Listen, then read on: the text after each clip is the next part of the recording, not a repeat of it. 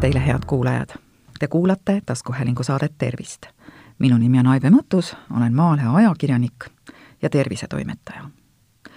Eestis kannatab piinavat sügelust tekitava ekseemi ehk atoopilise dermatiidi pärast päris suur hulk inimesi. ja see on üks põhjus, miks ma selle teema tänasesse saatesse valisin teine põhjus on aga see, et möödunud nädalal, neljateistkümnendast kuni kahekümnenda septembrini tähistati rahvusvahelist ekseemi nädalat ja arstid andsid siis inimestele tavalisest jõulisemalt teada, et ekseemi puhul pole tegemist nii-öelda tavalise lööbega, vaid haigusega, mis ei ole küll nakkav, kuid mida ei tohi ignoreerida.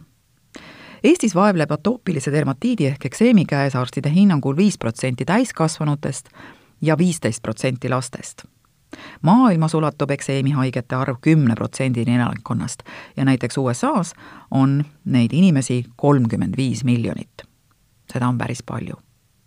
raske dermatiidi käes kannatavate inimeste kiire arsti juurde saamine on nahaarstidele prioriteet ja tohtri vastuvõtule võib siin meil Eestis saada juba paari päevaga ekseemi korral on nahk kuiv, ketendav ja tunetav ning võivad esineda villikesed ja sõlmekesed, lisaks sügeleb kogu see lööve lakkamatult.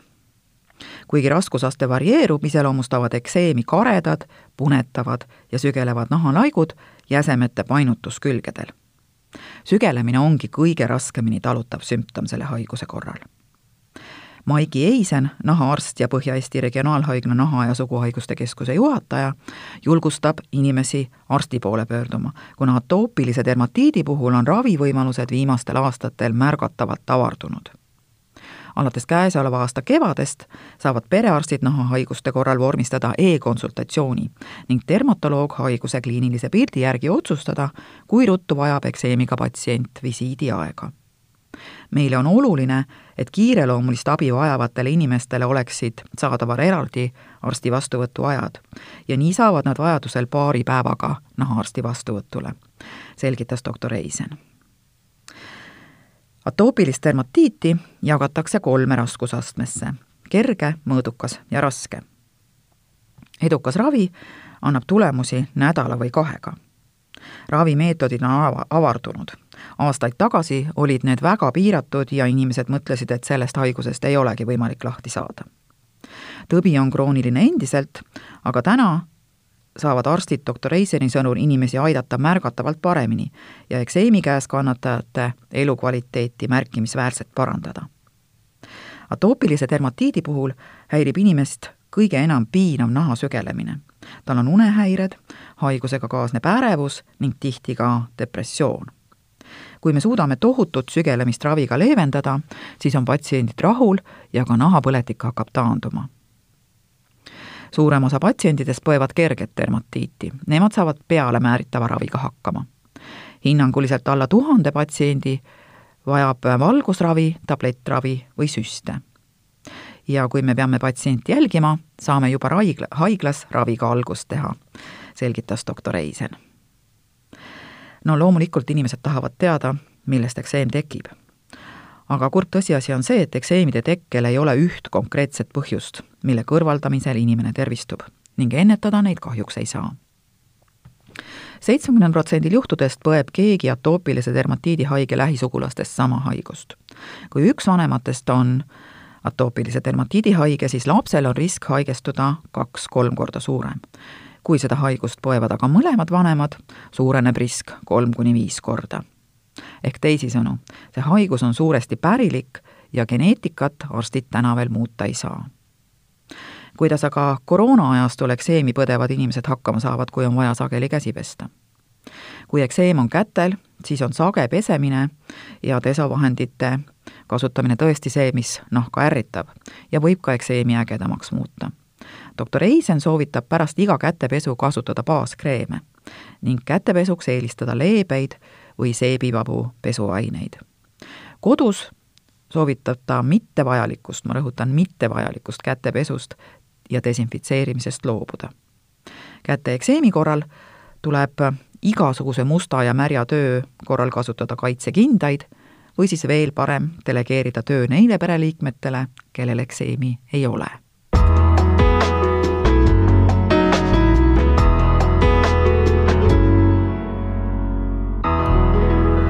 atoopilisse dermatiiti haigestumine on viimase poole sajandi jooksul neljakordistunud üldteada on, et see haigus esineb sagedamini kõrgema elukvaliteediga maades ning linnaelanike hulgas, mis annab tunnistust väliskeskkonna olulisest mõjust haiguse avaldumisele ja kulule arenenud riikides on haiguse levimus laste seas kümme kuni kolmkümmend ja täiskasvanute hulgas kaks kuni kümme protsenti kumulatiivne haigestumine elu jooksul varieerub viie kuni kahekümne protsendini, olles kõrgeim just Põhja-Euroopas. Suures rahvusvahelises levimusuuringus, mis uuris koolilapsi, oli Eesti valimis atoopilise dermatiidi levimus viis protsenti. kõnealusesse uuringusse olid haaratud ligi viis tuhat Tallinnas ja Narvas elavat kolmeteist-neljateistaastast õpilast lisaks sellele, et ekseem on füüsiliselt väga kurnav haigus, kurnab see tõbi ka vaimu. ja seda just piinama sügeluse pärast. Rahvusvahelise dermatoloogia patsientide organisatsioonide liidu andmetel kogevad lausa pooled atoopilise dermatiidiga patsientidest depressiooni ja ärevust ning kolmkümmend üheksa protsenti tunneb sageli oma välimuse pärast piinlikkust raske atoopilise dermatiidiga patsiendid teatavad haiguse ägenemisest koguni saja üheksakümne kahel päeval aastas, mis tähendab, et nad on aasta jooksul enam kui kuus kuud raskendatud tervislikus seisundis.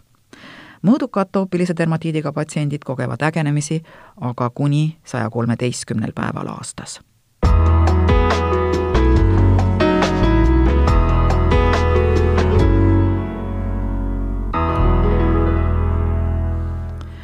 eelmises saates mainisin, et ajakirja Tervis pluss septembri numbris saate lugeda ajakirjanik Kristina Traksi kirjutatud artiklit dermatiidist ja ekseemist. ja vaatame siis praegu ka korraks, millest seal räägitakse. Artikkel kannab pealkirja Sügelevad kaaslased, dermatiit ja ekseem dermatiit ehk nahapõletik algab tihtipeale juba lapsepõlves ning väga sageli ei õnnestugi sügav, sügelevast kaaslasest lahti saada. siis on ainus variant temaga koos elama õppida ekseem on krooniline nahahaigus, mille tekkimise põhjuseks erinevalt dermatiidist on sageli ka kehasisesed mõjurid. kõige tuntumad ja sagedasemad on atoopiline dermatiit ja kontaktdermatiit. Neist esimene algab enamasti juba lapseeas ja võib olla seotud ülitundlikkusega. sellest vormist aga võib õnneks välja kasvada, kuigi alati ei pruugi nii minna kontaktdermatiidi puhul on kõige lihtsam aru saada, mis seda põhjustab ning sellest ka hoiduda. suurimaid allergeene on siinkohal nikkel, mis põhjustab allergiat koguni igal kümnendal Euroopa elanikul. Palju muret tekitavad ka kosmeetikatoodete lisaained, kusjuures pahalased ei ole mitte niivõrd palju kirutud parabeenid, vaid hoopis üks teine keerulise nimega aine. ma püüan selle nüüd siit õigesti välja lugeda metüülisotiasolinoon niisiis, metüülisotiaalsolinoon on see keeruline aine, mis tekitab palju kontaktdermatiiti. peakõõmana tuntud probleem on seborreodermatiit. Mikroopse ekseemi korral tekivad haiguskolded säärtele, kõrvade taha, keskmistesse varbavahedasse ja nende lähedusse või krooniliste haavandite või uuriste ümbrusesse nummulaarse ekseemi korral tekivad kehale mündisuurused tugevasti sügelevad haiguskolded. esimene kolle võib tekkida näiteks putukahammustuse, põletuse või naha keemilise ärrituse piirkonda. Asteatootilist ekseemi iseloomustab kuiv pragunenud nahk ning selle foonil tekivad tagasihoidlikud ekseemi tunnused see haigus võib kimbutada inimesi, kes armastavad end tihti kuuma veega pesta või lihtsalt pesevad ennast liiga palju samuti võib see tekkida diureetikumide kasutamise kõrvalnähuna. millest need tõved siis tekivad? nagu varem juba tänases saates öeldud, ei ole ühte, üheselt selge, miks mõni inimene kannatab ülitundlikkuse käes. teada on, et need tõved hakkasid Euroopas enam levima siis, kui inimesed linnadesse kolisid. just siis tekkisid ülitundlikkushaigused nagu allergiline nohu, astma ja atoopiline dermatiit atoopilise dermatiidi teket seletatakse ka ülearuse hügieeniga. me oleme nii-öelda liiga puhtad, peseme end liiga palju ning hävitame seejuures ka kasulikke mikroobe. Pärilikkus loeb samuti. kui üks vanematest põeb ekseemi või dermatiiti, on suurem oht haigestuda ka lapsel. kuidas aga haiguse põhjustajaid üles leida? pidev sügelus rikub tõsiselt elukvaliteeti kontaktdermatiidi põhjust, mis nahaprobleeme tekitab, on lihtne välja peilida. ent kui küsimus on ülitundlikkuses mõne toiduaine vastu, võib detektiivi töö olla väga mahukas ja mõnikord lausa tulutu. Allergoloogid teevad mitmesuguseid teste ning abi on ka toitumispäeviku pidamisest meeles tuleb pidada aga seda, et ähm, ei maksa alustada kohe väga range dieediga, vaid välistada kahtlusalused toiduained menüüst ükshaaval. nii on selgemini aru saada, milline neist reaktsiooni esile kutsub. nahaprobleemid mõjutavad elu päris palju lapse ja piimaallergia võib küll ära kaduda, ent kui nahastruktuur on atoopiline, siis nii see ka jääb ning nahk vajab alati erilist hoolt lapse ja nahaprobleemid läheksid justkui peitu ning kui tekib kokkupuude ebasobiva ainega, näiteks mõni kemikaal, tolm või puhastusvahend, ilmuvad põletikukolded jälle välja, hilisemas elus siis. ega ilmaasjata soovita nahaarstid atoopia korral valida töö, mis oleks kuiv ja puhas. Stressirohke elu väljendub samuti nahal. nahaprobleemid võivad stressi korral ägeneda mitmed uuringud näitavad, et suur osatähtsus kroonilise nahahaiguse taltsutamisel on mõnusal kodusel õhkkonnal ehk võimalikult stressivabal elul. ülioluline on naha eest korralikult hoolt kanda. baaskreemiga kreemitamist ei maksa jätta unarusse ka siis, kui nahk justkui täiesti korras on.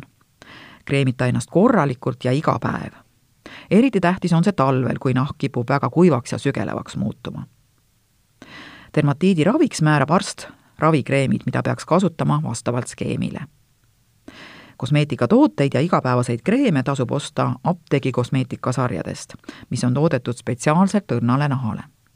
igapäevaseks nahahoolduseks sobivad tooted, mis suurendavad naha niiskussisaldust, toidavad ja kaitsevad seda näiteks apteegis müüdavad baaskreemid on erineva rasva ja veesisaldusega ning sobivad ideaalselt ka raviskeemide ja salvide vaheraviks väldi ka liiga kuuma veega pesemist ja kuumas vannis ligunemist.